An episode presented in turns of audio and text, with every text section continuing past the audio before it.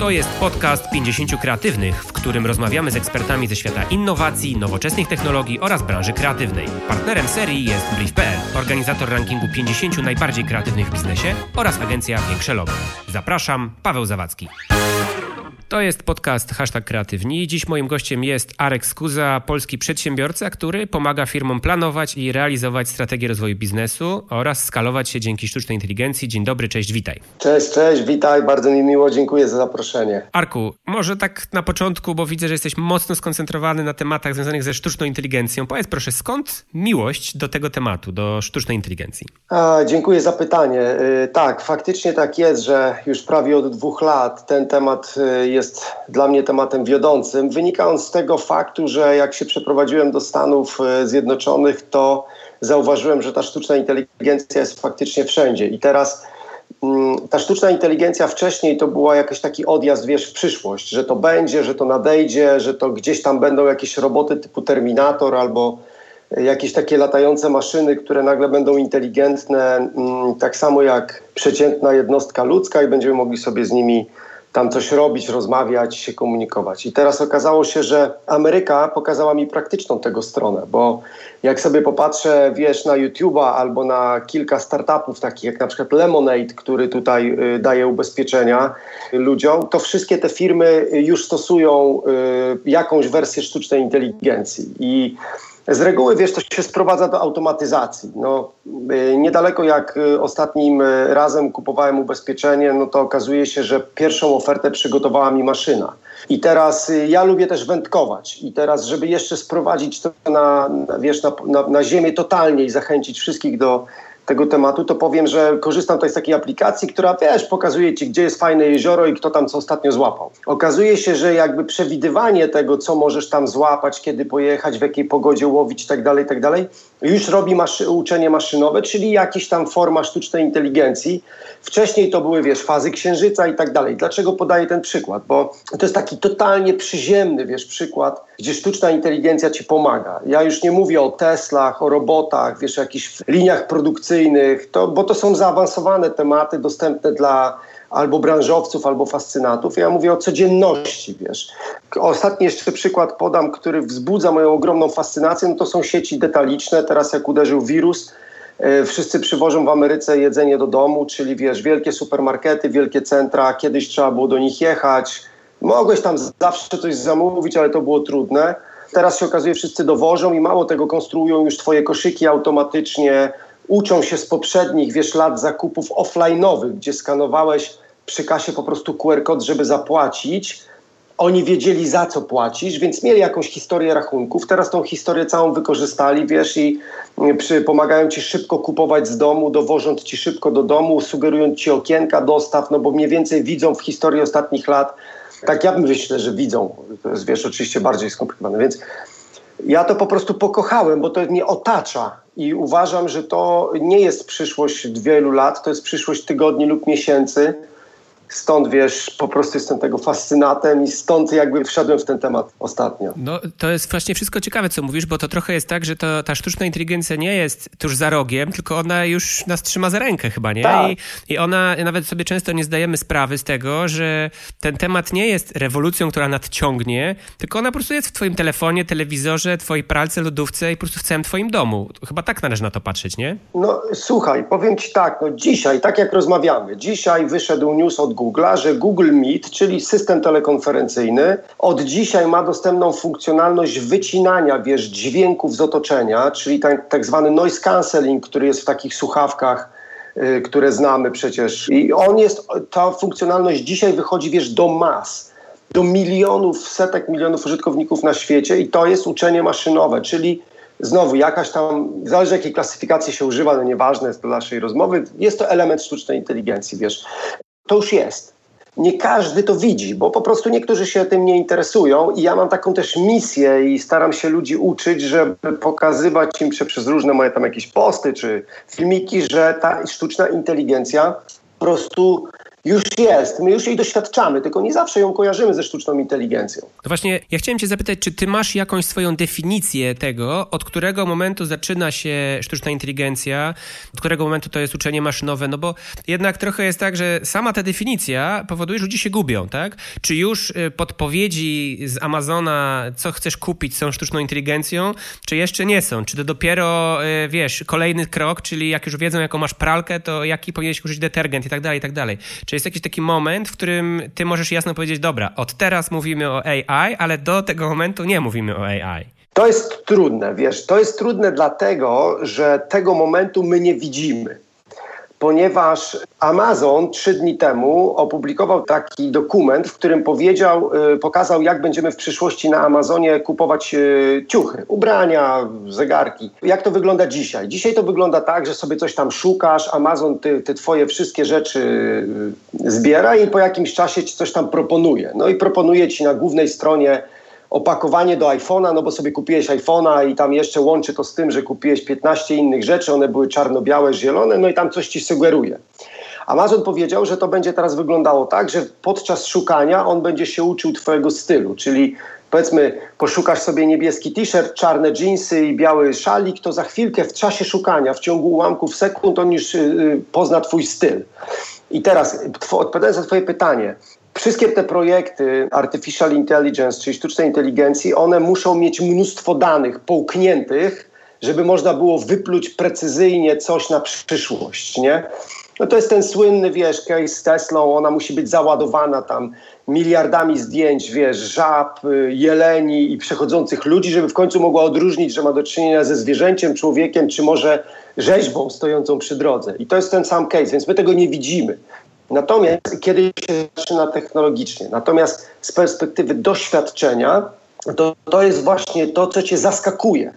Że nagle Google ci wyświetla, hej, muszę ci wyciąć dźwięki z otoczenia, bo w czasie, kiedy ty rozmawiasz, on pobrał tyle już danych na temat tej rozmowy i te algorytmy je w czasie rzeczywistym przetworzymy, że ci to sugeruje. Czyli on cię nie prosi, chcesz włączyć czy chcesz wyłączyć. On sam ci mówi, że teraz już to włączam, ponieważ wiem, że ty doświadczasz tego problemu. Nie? To jest y, ten case z Teslą, która sama y, hamuje, jak ktoś wtargnie na jezdnię, ponieważ ona już wie na podstawie tego, jak jedziesz, że ludzie wchodzą ci na jezdnię i wie z doświadczenia po prostu danych, że to jest możliwe, więc sama podejmuje decyzję. I to jest ten punkt, kiedy możemy to rozpoznać. Wiesz, to jest ta aplikacja, kiedy pójdziesz wędkować i ona ci mówi, jak wędkujesz teraz na suma, to źle. Musisz wędkować teraz na inną rybę i ty o to nie prosiłeś więc ona musi szczytać to, co się dzieje w czasie rzeczywistym teraz z tobą, gdzie jesteś i połączyć to z ogromną ilością danych, które gdzieś ta firma przechowuje, wiesz. No i właśnie tutaj teraz y, pytanie na czerwono, co z prywatnością tych wszystkich danych, nie? To znaczy, y, bo y, dochodzimy do momentu, w którym te maszyny, czy to jest sztuczna inteligencja, algorytmy, machine learning, whatever, wiedzą o tobie wszystko. Znaczy w momencie, w którym aplikacja wie, czy ty łowisz suma, czy łowisz szczupaka, zaczyna się robić dla wielu niebezpieczna. Ja na przykład jestem z tych, którzy to lubią. To znaczy wychodzę z założenia, że jeżeli idę ulicą i mój telefon i mówi stary, ostatnio oglądałeś 10 iPhone'ów, przychodzisz koło sklepu, właśnie jest promocja, wejdź, to ja jestem bardzo happy. Mhm. To mi się bardzo podoba. Nie? Tylko to w mojej ocenie wynika z tego, że ja i tak jestem świadom tego, że choćbym się zasłonił dziesięcioma VPN-ami, firewallami, antikukami, to w ogóle nie mam szans z całą tą technologią. No ale pytanie, co dla takiego, no nazwijmy to nieładnie, przeciętnego wędkarza, który chciałby korzystać z tych feature'ów, ale jednak ma pewne obawy. Jakie jest Twoje zdanie na ten temat? No to jest właśnie ten handel, wiesz, yy, który polega na tym, czy chcesz widzieć, wiesz, korki w aplikacji Google Maps yy, w zamian za to, że sprzedasz wszystkie swoje położenia i gdziekolwiek byłeś, jesteś i będziesz, nie? Wiesz, ja przypatruję się bardzo mocno też Unii Europejskiej, która mm, w ogóle jak interesuje mnie też temat walki, wiesz, yy, o to, kto zdominuje jaki fragment sztucznej inteligencji. Oczywiście Chiny i Stany wypychają się na początek tego jakby szpicy walecznej, walczącej, ale jest jeszcze w tym Unia Europejska, która przyjęła inne podejście, bo właśnie przyjęła podejście, gdzie my musimy chronić dane znaczy jednostki, po to, ale jednak da ze sztucznej inteligencji. Nie?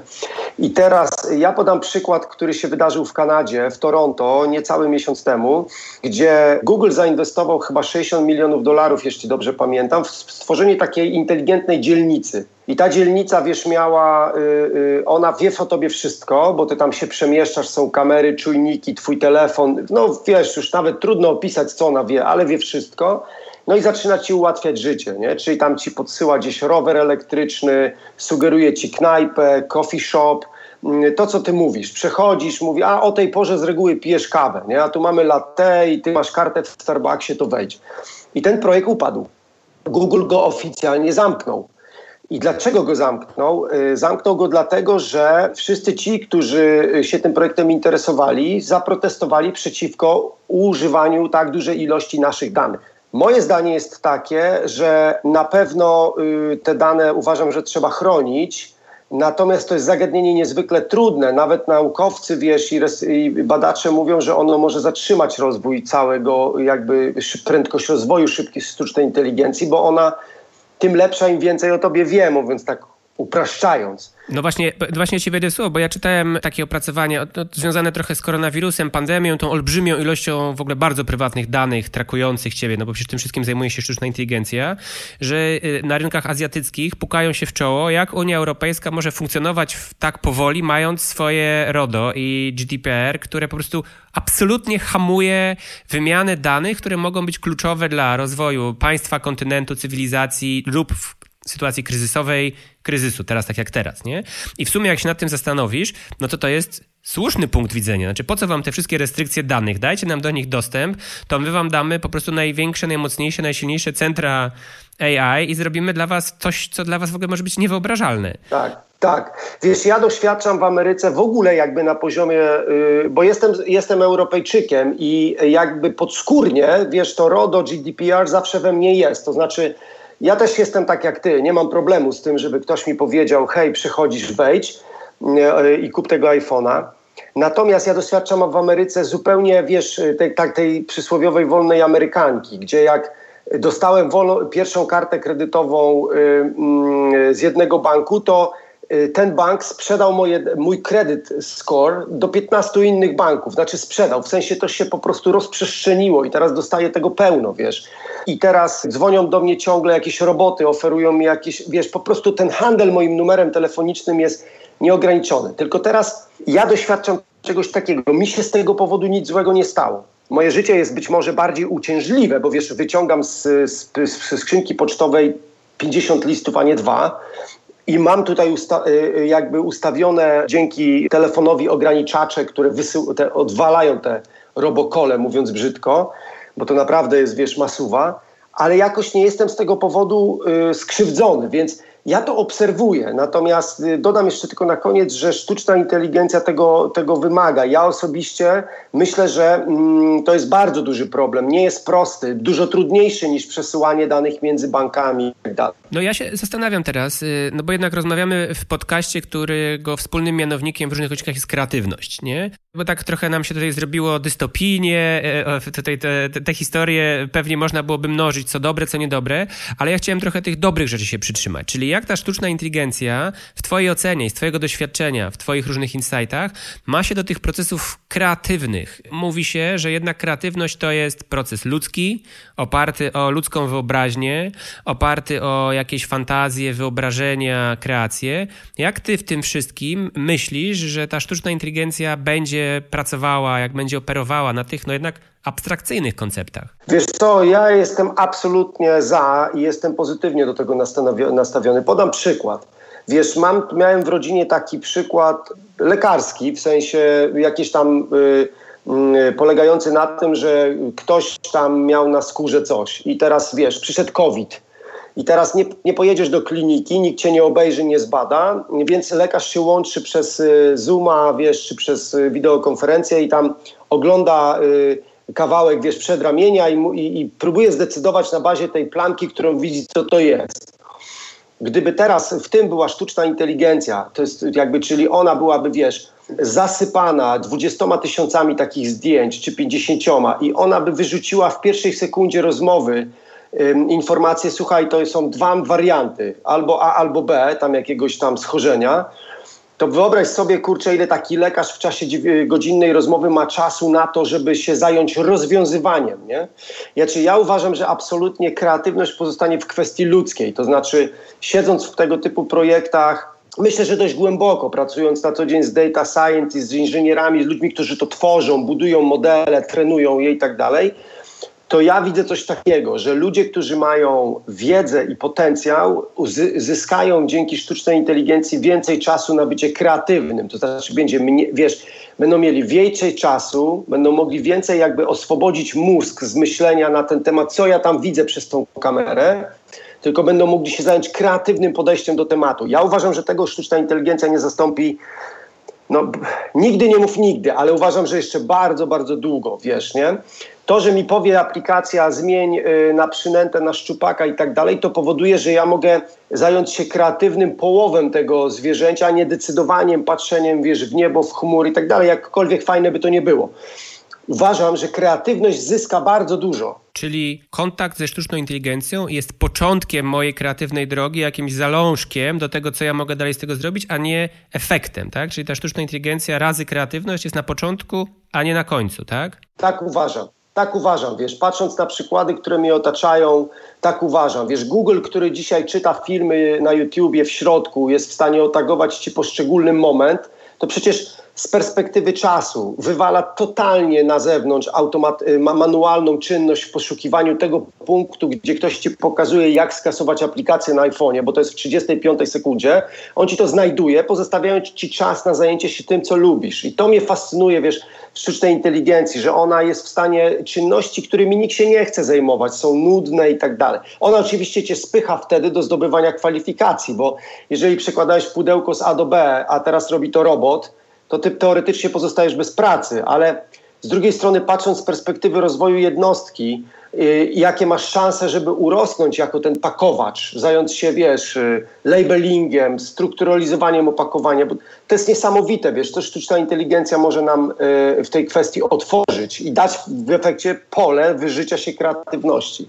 Tak uważam. No bo ja mam takie trochę wrażenie, że ta obawa przed sztuczną inteligencją to jest takie na siłę trzymanie się statusu quo, czyli ten pakowacz, o którym ty powiedziałeś, absolutnie odrzuca od siebie te rozwiązania automatyzacji, robotyzacji sztucznej inteligencji, bo się boi, że straci tą swoją pracę. A flip side jest taki, że on powinien oddać tą swoją pracę tym robotom, ale zająć się, tak jak powiedziałeś chyba trochę, rozwojem kompetencji, a może zrobieniem sobie jakiegoś upgrade'u, a może pójściem gdzieś indziej. Znaczy, że to jest nieprawda, że sztuczna inteligencja zabiera nam pracę, tylko daje nam nowe możliwości wykorzystywania swojego potencjału chyba, tak? Tak, ja, ja absolutnie świetnie to podsumowałeś. Ja absolutnie nie zgadzam się z tym, że ona jakby spowoduje, że wzrośnie bezrobocie. Tylko też ona nakłada na człowieka taką odpowiedzialność trochę, wiesz, bo y, jeżeli ja dzisiaj słynę z tego, że świetnie przeglądam przelewy bankowe w bankach w poszukiwaniu fraudów i po prostu mam oko, wiesz, jak, y, jak z wabanku, nie, no to a przychodzą rozwiązania, no wiesz, ja obserwuję też rundy startupowe w Stanach, no ciągle na automatyzację obiegu dokumentów jest kładzionych duże pieniądze po to, żeby te procesy zautomatyzować i nagle ktoś mnie jakby mówi, no wiesz, to już robi automat, ale ja mogę teraz iść wyżej, wiesz, ja mam doświadczenie z dołu, jak to robić, ja mogę teraz trenować te systemy, ja mogę je optymalizować, ja mogę, wiesz, być doradcą, ja mogę założyć taką firmę. No, ja mam to, to jest, wiesz, ten słynny fałszerz czeków, którego FBI później zatrudniło, żeby on szukał tych fałszerzy. To jest ten case. I wiesz, i teraz to się patrzy w automotive, healthcare, wszędzie, wiesz, możesz to wynieść się do góry, ale musisz ten wysiłek podjąć, nie? Y, I ja patrzę na to bardzo pozytywnie. Ja właśnie o ten wysiłek chciałem zapytać, bo jesteś konsultantem, to znaczy z tego co wiem, widzę i, i można cię nieładnie mówiąc, zatrudnić jako tego najemnika od, od sztucznej inteligencji. Więc powiedz proszę, z jakimi, nie wiem, problemami, pytaniami, projektami zwracają się do ciebie mm, najczęściej wiem, firmy, organizacje, korporacje, pojedyncze osoby? Bo ja bym chciał najpierw zapytać o to, z czym najczęściej się zwracają, a potem z czym najrzadziej, a powinny najczęściej, wiesz, znaczy te 80-20, nie? E-commerce to jest pierwsza taka branża, która y, po pierwsze w ogóle sztuczną inteligencję, czy w część której wchodzi, jest, częścią jest machine learning, taki teraz najbardziej spopularyzowany, bo najbardziej też rozpoznany. No to wiesz, y, y, tutaj są problemy pod tytułem budowania profili, wiesz, nas, nie? Kiedyś to były preferencje takie kobieta, mężczyzna w wieku takim i takim, w dużym mieście, w małym mieście. Teraz ja mogę tak naprawdę rozpoznać bardzo dużo Twoich preferencji i to jeszcze, jeżeli bym chciał robić je on the fly, czyli kiedy mam Cię na stronie internetowej, wręcz tą stronę kustomizować do Ciebie, czyli dostosowywać do tego, jak. No to to jest tutaj, wiesz, nie? I to jest problem, polega na tym, bo ja nie jestem technologiem w takim sensie, że coś tam napiszę czy stworzę jakiś skrypt tylko jak to zaplanować, żeby to się stało, jak to przetestować, czy użytkownicy to faktycznie lubią, wiesz, bo ta granica jest też taka śliska, bo mm, znaczy bardzo, y, bardzo delikatna, bo ja mogę po prostu y, przesadzić, że nagle będę pokazywał takie rzeczy o tobie na interfejsie, że ty się przerazisz po prostu, wiesz. Więc to są takie rzeczy, jak zbudować ten profil i jak dostosować ten wygląd strony w czasie rzeczywistym, żebyś ty jednak y, był tam dłużej, więcej obejrzał, w efekcie no, wydał pieniądze, bo to, to jest biznes, nie? To jest pierwszy problem. Drugi to są fintechowe firmy, czyli finansowe takie technologicznie, które robią wszelkiego rodzaju scoringi. Y, wiesz, czy pożyczyć tobie pieniądze, na jak długo, czy ty oddasz, y, czy ty zapłacisz, czy można ci coś dać, żebyś zapłacił na raty, czyli budowanie scoringu, który się bardzo zmienił teraz w czasach COVID-u, wiesz, y, wcześniej bezpieczeństwo zatrudnienia, teraz tego bezpieczeństwa nie ma, wiesz, w Ameryce to już w ogóle, bo tutaj nie ma czegoś takiego jak okresy wypowiedzenia, tam one mogą mieć kilka dni, dwa tygodnie, więc przewidywanie ryzyka finansowego związanego z klientem, nie? czyli jak to zaprojektować, w jaką ścieżkę pójść, jak to wdrożyć, którą drogą mm, pójść. To są takie dwa główne problemy, z którymi ja się spotykam, z którymi firmy, z którymi firmami pracujemy, nad którymi się zastanawiamy. A o co nie pytają, a powinni? O co nie pytają, a powinni? To jest, wiesz, kwestia firm healthcare'owych, ale ja nawet nie mówię o takich firmach, które, wiesz, wielkich brandach, które produkują leki, bo ja mówię o firmach, szpitale, przychodnie, kliniki które boją się dotknąć tematu sztucznej inteligencji, ponieważ mają bardzo dużo wrażliwych danych, ale nie z perspektywy takiej finansowej, tylko wiesz, wiedzy o człowieku, o poszczególnej jednostce, jakie ma schorzenia, z czym ma problemy, z czym powinien, z czym być może będzie miał problemy. Bo pamiętajmy, że tutaj machine learning pokazuje swoją wielką siłę. I teraz ja nawet obserwuję, chociaż y, wiesz, zawsze biorę na siebie poprawkę, bo ja mam jakiś tam wynik, jakiś tam metaryczny zawsze wizję rynku, tam y, chociaż trochę tych raportów czytam, ale to tak, po pierwsze nie dotykają tematu, bo się w ogóle go boją, bo już jak się do niego wejdzie, to trzeba zacząć odpowiadać na trudne pytania. A jak lekarzowi podpowie na skórze, że to jest nowotwór A lub B, bo taki akurat miałem case, to, yy, to co jeżeli to był C, a jemu to nie podpowiedziało? Wiesz, kto jest jakby odpowiedzialny. I kto odpowiedzialność potem. No tak, właśnie. wiesz, no i teraz, to jest trudny temat. Natomiast y, ja sądzę, że trzeba się nim zajmować. Y, kliniki, lekarze, z którymi tam gdzieś się widzę i rozmawiam, oni uważają, że na razie jest to niepotrzebne. No to jest więc to jest taki wiesz temat, nie? Druga sprawa to jest y, kwestia usług, czyli czy my moglibyśmy pacjenta prowadzić jakoś przez kurację, przez odchudzanie, przez branie leków i tak dalej. No i z jednej strony fajnie by było, ale z drugiej strony, a co, jeżeli ten machine learning go gdzieś doprowadzi w jakiś ślepy zaułek i on wtedy nas pozwie. Ameryka, bo to trzeba pamiętać, że tutaj rządzi pozew sądowy, nie? Mm, więc y, no to lepiej tego nie dotykać. I znowu ja jestem oponentem takiej sytuacji, bo ja mówię, a może lepiej się nad tym zacząć zastanawiać, może sobie otworzyć półroczny projekt gdzie my będziemy co piątek o tym dyskutować, każdy będzie przynosił nowy paper, wiesz, mnóstwo jest publikacji na świecie na ten temat. Ale wiesz, y, y, póki co ta branża tego robić nie musi, bo się ma dobrze, ponieważ żyje dobrze z y, systemu ubezpieczeniowego. Więc to jest taki temat healthcare'owy, a potencjalnie w healthcare'ze, jeszcze tylko dodam, ponieważ praktycznie każdy na świecie jest klientem jakiegoś tam rodzaju healthcare, bo chociaż jak się rodzimy, to nimi jesteśmy. Mm, następnie mamy mnóstwo danych, mnóstwo zdjęć. Wiesz, ten system opiera się na zdjęciach, a sztuczna inteligencja wybitnie lubi zdjęcia i formaty tego typu. Można by było bardzo dużo zrobić, ale jednak to nie rozpędza się tak, jak powinno w mojej ocenie. Jako osoba, która jest otwarta na nowe technologie i jako osoba, która z tego co rozumiem, no, lubi te nowinki i jest ich świadoma, oddałbyś się w ręce takiego totalnie wirtualnego lekarza? Bierzesz na siebie jakieś ryzyko, że możesz się pomylić, ale jednak masz z tyłu głowy, że no, taki wirtualny lekarz widział 600 tysięcy podobnych zdjęć schorzenia twojej, nie wiem, rentgenu płuc, zdjęcia mózgu, whatever, tak? I może podjąć może lepszą decyzję. Oddałbyś się takiemu lekarzowi? To jest bardzo dobre pytanie, wiesz, to jest świetne pytanie i teraz tak. Oczywiście y, odpowiedź moja będzie tak, przecinek ale. I to jest to miejsce, w którego nigdy sztuczna inteligencja nie wypełni. Wiesz, empatii, współczucia. Y, ja bym się poddał spokojnie, jeżeli chodzi o diagnozę. Natomiast nie wyobrażam sobie, żebym się poddał leczeniu bez y, rozmowy z człowiekiem. I Wiesz, jak się przeczyta różnego rodzaju opracowania, raporty, to to jest ta część, w której człowiek będzie jeszcze ważniejszy. Ponieważ wiesz, będziemy, spędzamy coraz więcej czasu z maszynami, nie? czyli wiesz, z, z Googlem, z internetem, z algorytmem i kontakt z człowiekiem w sytuacjach dla nas trudnych i, y, zyskuje na znaczeniu. Więc oddałbym się, ale y, potrzebowałbym tej empatii, współczucia, zrozumienia dyskusji. Jeżeli miałbym na przykład powiedzmy problemy, nie wiem, z y, depresją, miałbym depresję i teraz automat mi jakoś przez to prowadzi.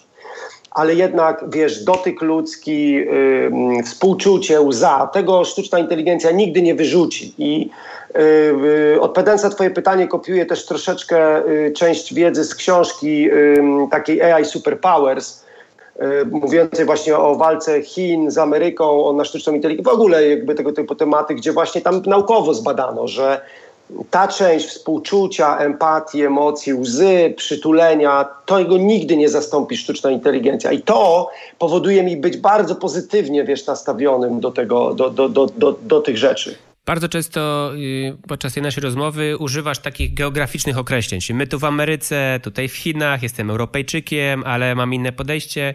Powiedz proszę, jak y, oceniasz taką świadomość, ten taki mental związany ze sztuczną inteligencją tak geograficznie, społecznie, nie wiem, może na przykład porównując no, Polskę, bo jesteś Polakiem, i na przykład Stany, no bo mieszkasz tam, tak? I to jest twoje centrum, centrum zawodowe. Czy są jakieś takie, znaczy na pewno są, tylko pewnie mi zaraz o nich powiesz, takie konkrety, które widać na pierwszy rzut oka, że możesz linię narysować, z prawej strony jest to, z lewej strony jest to, porównując nasze podejście do tej sztucznej inteligencji, czy do tych procesów i na przykład amerykańskie. Mhm. Lub jakąkolwiek inną linię chcesz sobie narysować, no to tylko jakiś tam przykład. Tak, tak. Dziękuję za pytanie. Ono jest bardzo fajne i ja na pewno część y, słuchaczy zaskoczę, mówiąc w ten sposób, że ja nie mieszkałem w Chinach nigdy.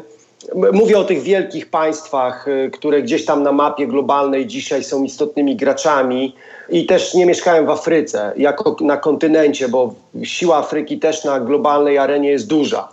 Mm, jako takiego, powiedziałbym, konglomeratu państw. Y, natomiast ja, nie, ja byłem zaskoczony, jak przyjechałem do Stanów Zjednoczonych i tu uwaga, zamknięciem Amerykanów na innowacje. To może wszystkich zaskoczyć. Przeciętny Amerykanin ma tak nieprzewidywalne życie, że uwielbia przewidywalne życie. Czyli w tym sensie, że wiesz, możliwość zwolnienia cię z pracy, y, podniesienia ci stopy procentowej, karta goni kartę kredytową, powoduje, że Amerykanin bardzo pragnie przewidywalności. W związku z tym on, często Amerykanie na co dzień mają taki sam poniedziałek, wtorek, w czwartek koszą trawę, w piątek, tak jak ten y, Niemiec, myją samochód, jadą po piwo.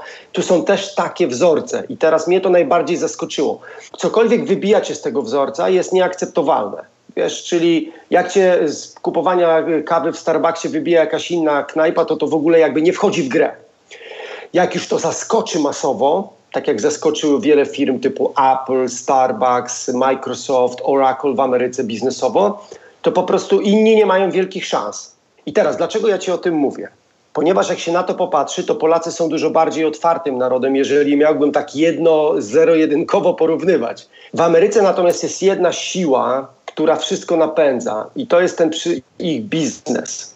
To znaczy, jeżeli ja będę miał w Lemonade, w tym startupie, który ma ubezpieczenia, lepszą ofertę, to ja się masowo na nią przełączę. To jest ten biznes, nie ma sentymentu. Polak ma sentyment. Taki uważam, że to babci, ciasto babci, tam od lokalnego sklepiku y, wisienki, Amerykanin nie będzie się przedzierał, wiesz, przez pół miasta, żeby od lokalnego sklepiku kupić wisienki, chyba że mu to Postmate albo GrabHub przywiezie do domu. To jest ta różnica. I teraz moja odpowiedź jest taka: tutaj jest ogromna linia, że tu się szuka szybko biznesowych modeli, które działają.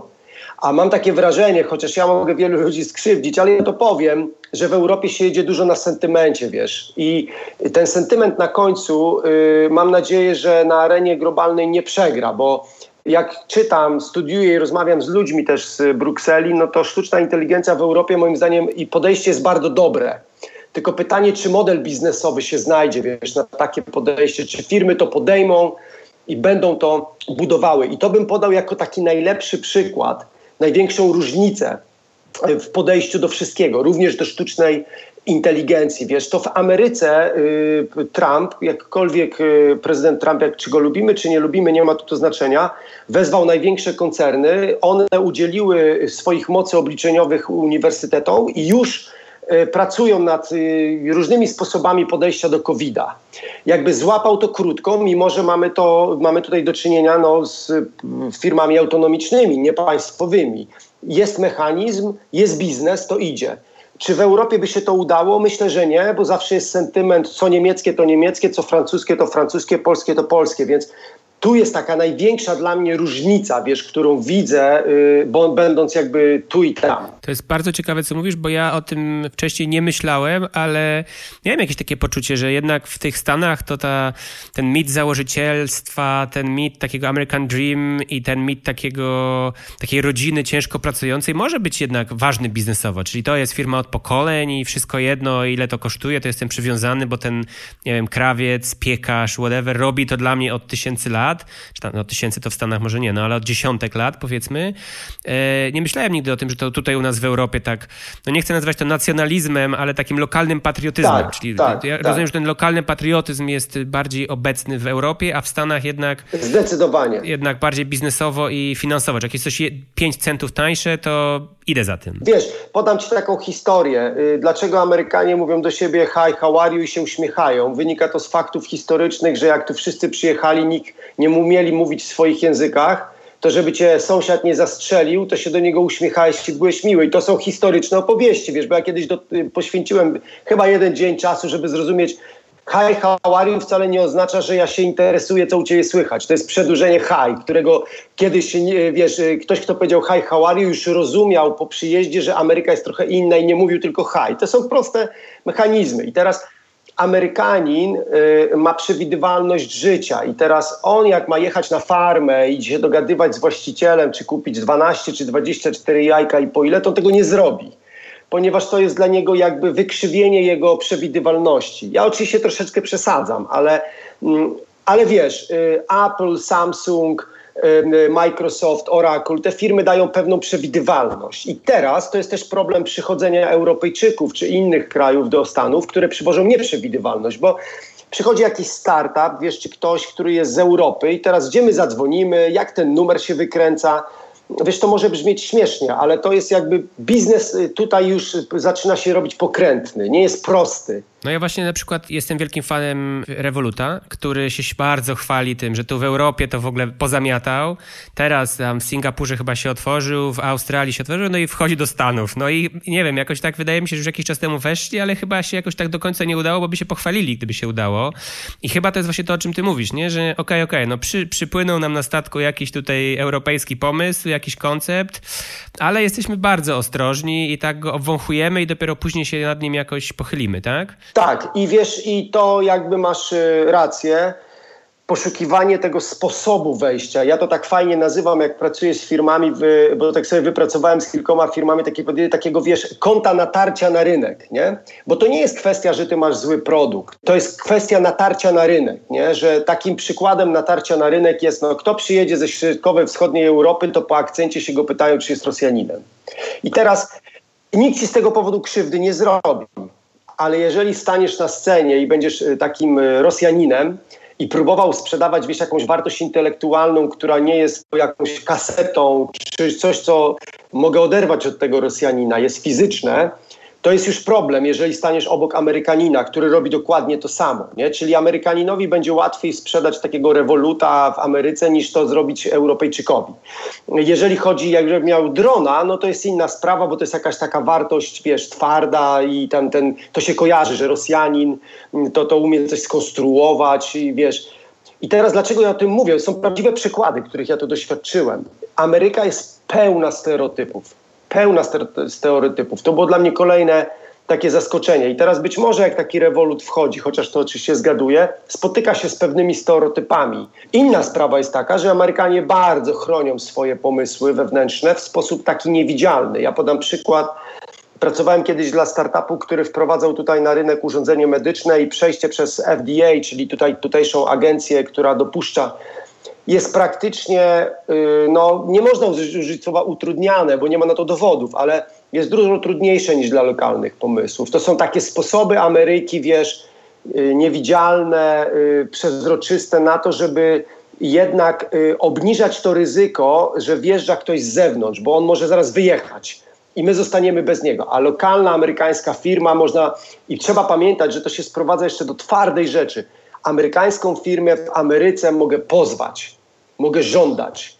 A z tymi, którzy mają aset swoje poza Ameryką, to ja nie mogę ich pozwać, czy ja nie mogę odzyskać. A to jest jedyna forma obrony mojego biznesu. Kogoś pozwać i uzyskać z powrotem swoje. Nie? Niesamowite, ta kultura law and order, y, tego takiego prawa, które tam jest takie, takie twarde, ale z tego, co mówisz, to jednak wyłania się ten taki, no, no niechlubny trochę slogan, ale America First. No, można się zgadzać czy nie zgadzać, ale America First. Zdecydowanie ubrany jest to tylko w inne słowa. Wiesz, ja doświadczałem wielu takich elementów, kiedy moja prezentacja była źle oceniona, z, nawet z jednego klubu takiego tutaj startupowego mnie wyproszono. Ja później się, y, tak, jakby tak, jakby zniknął kontakt. Wiesz, mi, mi tego, to jest coś ciekawe w Ameryce, tobie nikt tego wprost nie powie. Musisz szukać odpowiedzi. Ja szukałem tej odpowiedzi, to było po prawie dwa lata, ponad dwa lata temu. I znalazłem ją, wiesz, bo przyjechałeś z projektami europejskimi, mimo że dla globalnych marek amerykańskich, ale robionych i to u nas nie działa, to musi być amerykańskie. I wiesz, dopiero później, jak to zrozumiałem, zacząłem trochę inaczej budować swoje portfolio. I to jest po pierwsze, że się spotkasz z takim, nagle ludzie znikną, nagle twoje kontakty przestają, wiesz, funkcjonować i nie wiesz dlaczego. Bo w Ameryce też jest, wiesz, lęk przed tym, że jak ja coś powiem za dużo, to ty mnie pozwiesz, złapiesz, zrobisz, wiesz, i w związku z tym yy, i to nie jest kłamstwo. Ja yy, tutaj unika się konfrontacji, ponieważ ona ci może zaszkodzić, a w biznesie to już w ogóle, ponieważ mogę nagrać, mogę wiesz, pójść, pozwać, mogę gdzieś wysłać to nagranie. Inna struktura wszystkiego, więc Ameryka first jak najbardziej. Inne myślenie o biznesie. E, słuchaj, powoli zmierzając e, do brzegu naszej rozmowy, mam e, takie pytanie kończące, bo jesteś osobą, która no, przeczesuje ten internet i te startupy i tą całą scenę pewnie regularnie, codziennie, wiele, wiele godzin. Czy jest coś, co ostatnio znalazłeś, albo aplikacja, jakiś, jakaś sztuczna inteligencja, jakiś SaaS, jak, no, cokolwiek, co no nie chcę mówić, że zmieniło twoje życie, ale na pewno zrobiło ci taki wow faktor, że to było w ogóle wow, to jest to, this is it, w ogóle instaluję, ściągam, kupuję premium i od dzisiaj jest ze mną codziennie. Nie wiem, czy coś w prywatnym życiu albo zawodowo, czy coś takiego mm, wpadło ci w oko? Tak, tak, oczywiście, że tak, bo y, Amerykanie nauczyli mnie też tego, y, że oni jednak y, y, bardzo różnych rzeczy dużo testują, mimo że później jakby mogą ich nie brać, ale ja ściągam bardzo dużo aplikacji, korzystam z wielu serwisów. Mało tego, nawet robię codziennie taki przegląd y, y, najważniejszych wydarzeń w Ameryce, ponieważ w Ameryce powstaje tych aplikacji wszystkiego dużo. ja jestem ogromnym fanem tego, ja nie wiem, czy to jest dostępne w Polsce, ale na pewno y, jestem wielkim fanem News Plusa, czyli akurat jestem użytkownikiem telefonów Apple, to więc kupuję wszystkie płatne, płatną subskrypcję News Plusa, gdzie za 9 dolarów miesięcznie masz po prostu wszystkie najważniejsze newsy. One się fajnie, wiesz, News Plus jest oparte o maszy uczenie maszynowe, więc co czytam, nawet już nie muszę lajkować, nad czym spędzam czas. On mi codziennie robi kompletny redesign tego mojego, y, tej mojej gazetki elektronicznej, więc to. Druga rzecz, polecam bardzo aplikację dla maila. Jakoś tam ewoluowało moje podejście do komunikacji z ludźmi. Wiadomo, że jestem wszędzie i tam na Facebook, i Messenger i tak dalej. Jest fajna aplikacja, nazywa się Two Birds, czyli jak dwa ptaszki. Jest bezpłatna de facto do maila. Jest to taki clean design, czyli wiesz, bardzo prosty interfejs i niesamowicie świetny algorytm pod spodem, który wreszcie wywala, przynajmniej dla mnie wszystko, co jest nieważne w mojej skrzynce, wrzuca do unimportant. Robi to też Gmail, ale w moim przypadku po prostu Gmail nigdy z tym nie potrafił sobie poradzić. Y, Tuberts robi to świetnie. Jest to bezpłatny interfejs, bezpłatna aplikacja i, i bardzo, bardzo ją y, y, polecam. Bardzo szybko się instaluje bardzo szybko działa i, y, jest naprawdę, mm, i naprawdę jest rewelacyjna. To są takie dwie najważniejsze dla mnie rzeczy, y, z których najwięcej korzystam. Inne aplikacje to są takie dla mnie come and go. Wiesz, tu robię, tam, nie, tam już nie korzystam. Oczywiście, jeżeli chodzi o wędkowanie, no to jest taka aplikacja Fishbrain, czyli jakby mózg rybki. Ona jest bardzo fajna, bardzo świetna, wielkie community, yy, oparte o uczenie maszynowe, z, tej, z niej również bardzo korzystam. Następnie do obróbki zdjęć jest aplikacja, która była bezdarmowa nawet na Czarny Piątek, nazywa się bodajże, mam ją na iPadzie chyba Pixelmator albo coś takiego. Mm, tak, tak, no ale to, to, to, są, to są takie, wiesz, apki everyday use, nie? Że tam po prostu sobie korzystasz i wiesz, mają swoje zastosowanie, nie? Mnie bardziej, mnie bardziej właśnie te pierwsze dwie historie, o których powiedziałeś, tak zainteresowały, bo to są takie, takie po prostu ulepszacze i nagle sobie myślisz, kurde, że to w ogóle, że ja tego wcześniej nie miałem, nie? Że w ogóle bez tego to jak ja mogłem prowadzić biznes, maila, firmę, whatever, bez tej, bez tej aplikacji. Tak, tak, to dokładnie. Ja niestety na przykład cały czas cierpię na dobrą aplikację do zarządzania projektami, taka, która by, wiesz, dużo uczyła się tego, jakie projekty prowadzę, jak projektuję harmonogramy. Nie potrafię znaleźć dobrego kalendarza. Już trenowałem wszystko, chyba ze 30 aplikacji. Wciąż te kalendarze są dla mnie takie po prostu siermiężne, trudne. Jeszcze znalazłem, e, o to jeszcze polecę, Hummingbird do ustawiania, do umawiania spotkań. Coś jak Calendly, tylko po prostu po pierwsze darmowe, a po drugie z większymi opcjami, więc y, to jest coś, co też bardzo, y, bardzo polecę. I tyle. To ja ci właśnie wejdę w słowo, bo ty y, chyba właśnie umawiasz sobie spotkania przez to, chyba nie Hummingbird, tylko Freebird to się nazywa. I tak, tak, Freebird to się nazywa. I jak ty się ze mną na ten podcast umówiłeś tym Freebirdem i to w ogóle było takie easy, że ty wysłałeś cztery terminy, ja sobie kliknąłem w jeden i to mi automatycznie w ogóle zabukowało kalendarz, zrobiło Google Meeta, wysłało trzy powiadomienia. Ja jak umawiam się, wiesz, no prowadzę, ja, ja prowadzę agencję y, kreatywną i mam tysiąc różnych spotkań z różnymi ludźmi, zawsze znalezienie terminu to jest w ogóle mordęga. I właśnie dzięki tobie odkryłem to narzędzie i używam tego narzędzia i ono, nie wiem, od dwóch tygodni i ono w ogóle zmieniło moje zarządzanie kalendarzem. Co ty mówisz? Znaczy, jak, jak się wcześniej ktoś mnie pytał, kiedy jesteś dostępny i ja musiałem znajdować, wiesz, jaki termin, gdzie tu, z jakimiś trzema kalendarzami, to teraz naprawdę czterema kliknięciami podaję cztery godziny, on automatycznie, po prostu tak. idealne zastosowanie tego, o czym gadamy. Trochę sztucznej inteligencji, trochę tej kreatywności, trochę mojej pracy, ale w efekcie ja oszczędzam naprawdę, no kilka godzin. Super. Myślę w skali miesiąca, żeby, żeby ułożyć spotkania, no prostą rzecz. Tak, Meeting Bird. Meeting Bird, tak się nazywa. Meeting Bird. Tak, Meeting, meeting Bird, tak jak dokładnie. spotkanie i ptaszek. Natomiast jeżeli masz taki problem, to ja już widzisz, e, teraz e, otworzyłeś mi klapkę w głowie, bo już tak się przyzwyczaiłem. Jest taki system, taka aplikacja x.ai, x.ai, po prostu to jest adres strony internetowej, czyli x, literka x i .ai jak artificial intelligence. Ja jestem w tym systemie zakochany. Słuchaj, on umawia ci spotkania w tle, prowadzi korespondencję mailową, sztuczna inteligencja w twoim imieniu i nie widzisz tego. Podłączasz to do systemu e, mailowego i yy, najpierw to konfigurujesz, czyli podajesz, yy, jakie typy spotkań gdzie się odbywają. Na przykład powiedzmy, jeżeli spotkanie dotyczy yy, na przykład zainspirowania się do nowego projektu, to wybierasz Starbucks na Wilanowie na przykład, nie? Albo tam Starbucks w Katowicach, czy gdzieś tam jakąś knajpkę a jeżeli to jest spotkanie typu umówmy się na coś, to robisz to online. I on się tego wszystkiego uczy i następnie umawia spotkania w tle.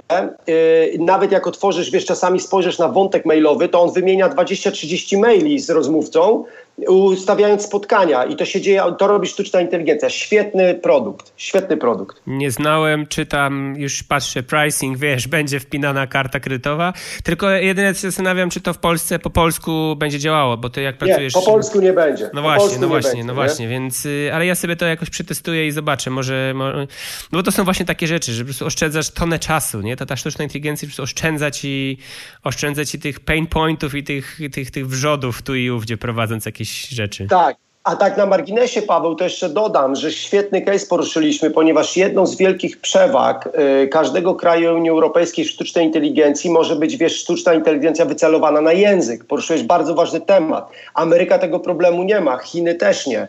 Natomiast, wiesz, y, jak się popatrzy na projekty Unii Europejskiej w sztucznej inteligencji, to wiele z nich ma problem w językach. Dokumentacja, wiesz, lekarska jak wyciągnąć, wiesz, lekcje z tego, czego nauczyli się polscy lekarze i niemieccy. No musisz mieć interfejs językowy. Więc to jest kolejny temat dla Unii, wiesz. No ja myślę, że tych tematów sztuczna inteligencja, razy nowa technologia, razy ułatwiacze życia, to pewnie byśmy mieli bardzo, bardzo dużo. E, aczkolwiek spróbujmy zostawić tutaj słuchających w lekkim niedosycie, bo widzisz, no ja się zajmuję takimi nowinkami, mam się za takiego early adoptera, to na każdym kroku, każdego dnia gdzieś czegoś się można nowego dowiedzieć i to jest właśnie dla mnie takie najciekawsze, nie? Że przypuszczam, że ty też śledząc tą całą scenę, każdego dnia masz takie kurcze, a tu coś ciekawego, a tutaj coś ciekawego, a tutaj coś nowego, nie? To takie jest właśnie fajne. Tak, tak. I musisz to robić, wiesz, ja codziennie dlatego News Plus powiedziałem, kupuję, subskrybuję codziennie, siadam na półtorej godziny, wszystko czytam, bo jeżeli chcesz dobrze doradzać, czy prowadzić fajnie projekty, mm, czy szukać cały czas nowych możliwości nawet, wiesz, na zarządzanie projektem, na product management, strategie produktowe, musisz to wiedzieć, bo, e, bo, bo, no bo po prostu okazuje się, że nagle ktoś wydaje nową bibliotekę i to, co robiłeś za grube pieniądze, możesz teraz mieć za darmo i fajnie, żeby twój zespół to wiedział. Dokładnie, dokładnie. Arku, słuchaj, bardzo dziękuję Ci za rozmowę. Y, to było interesujące, inspirujące i takie, mam nadzieję, wielu popchnie do szukania ciekawych rozwiązań, nowych pomysłów i takiej, takiej otwartej głowy. Y, trzymam kciuki za Twoje sukcesy i prywatne, i zawodowe. Mam nadzieję, że, że będziesz tych y, różnych rozwiązań widział, dostrzegał i rozwijał coraz więcej.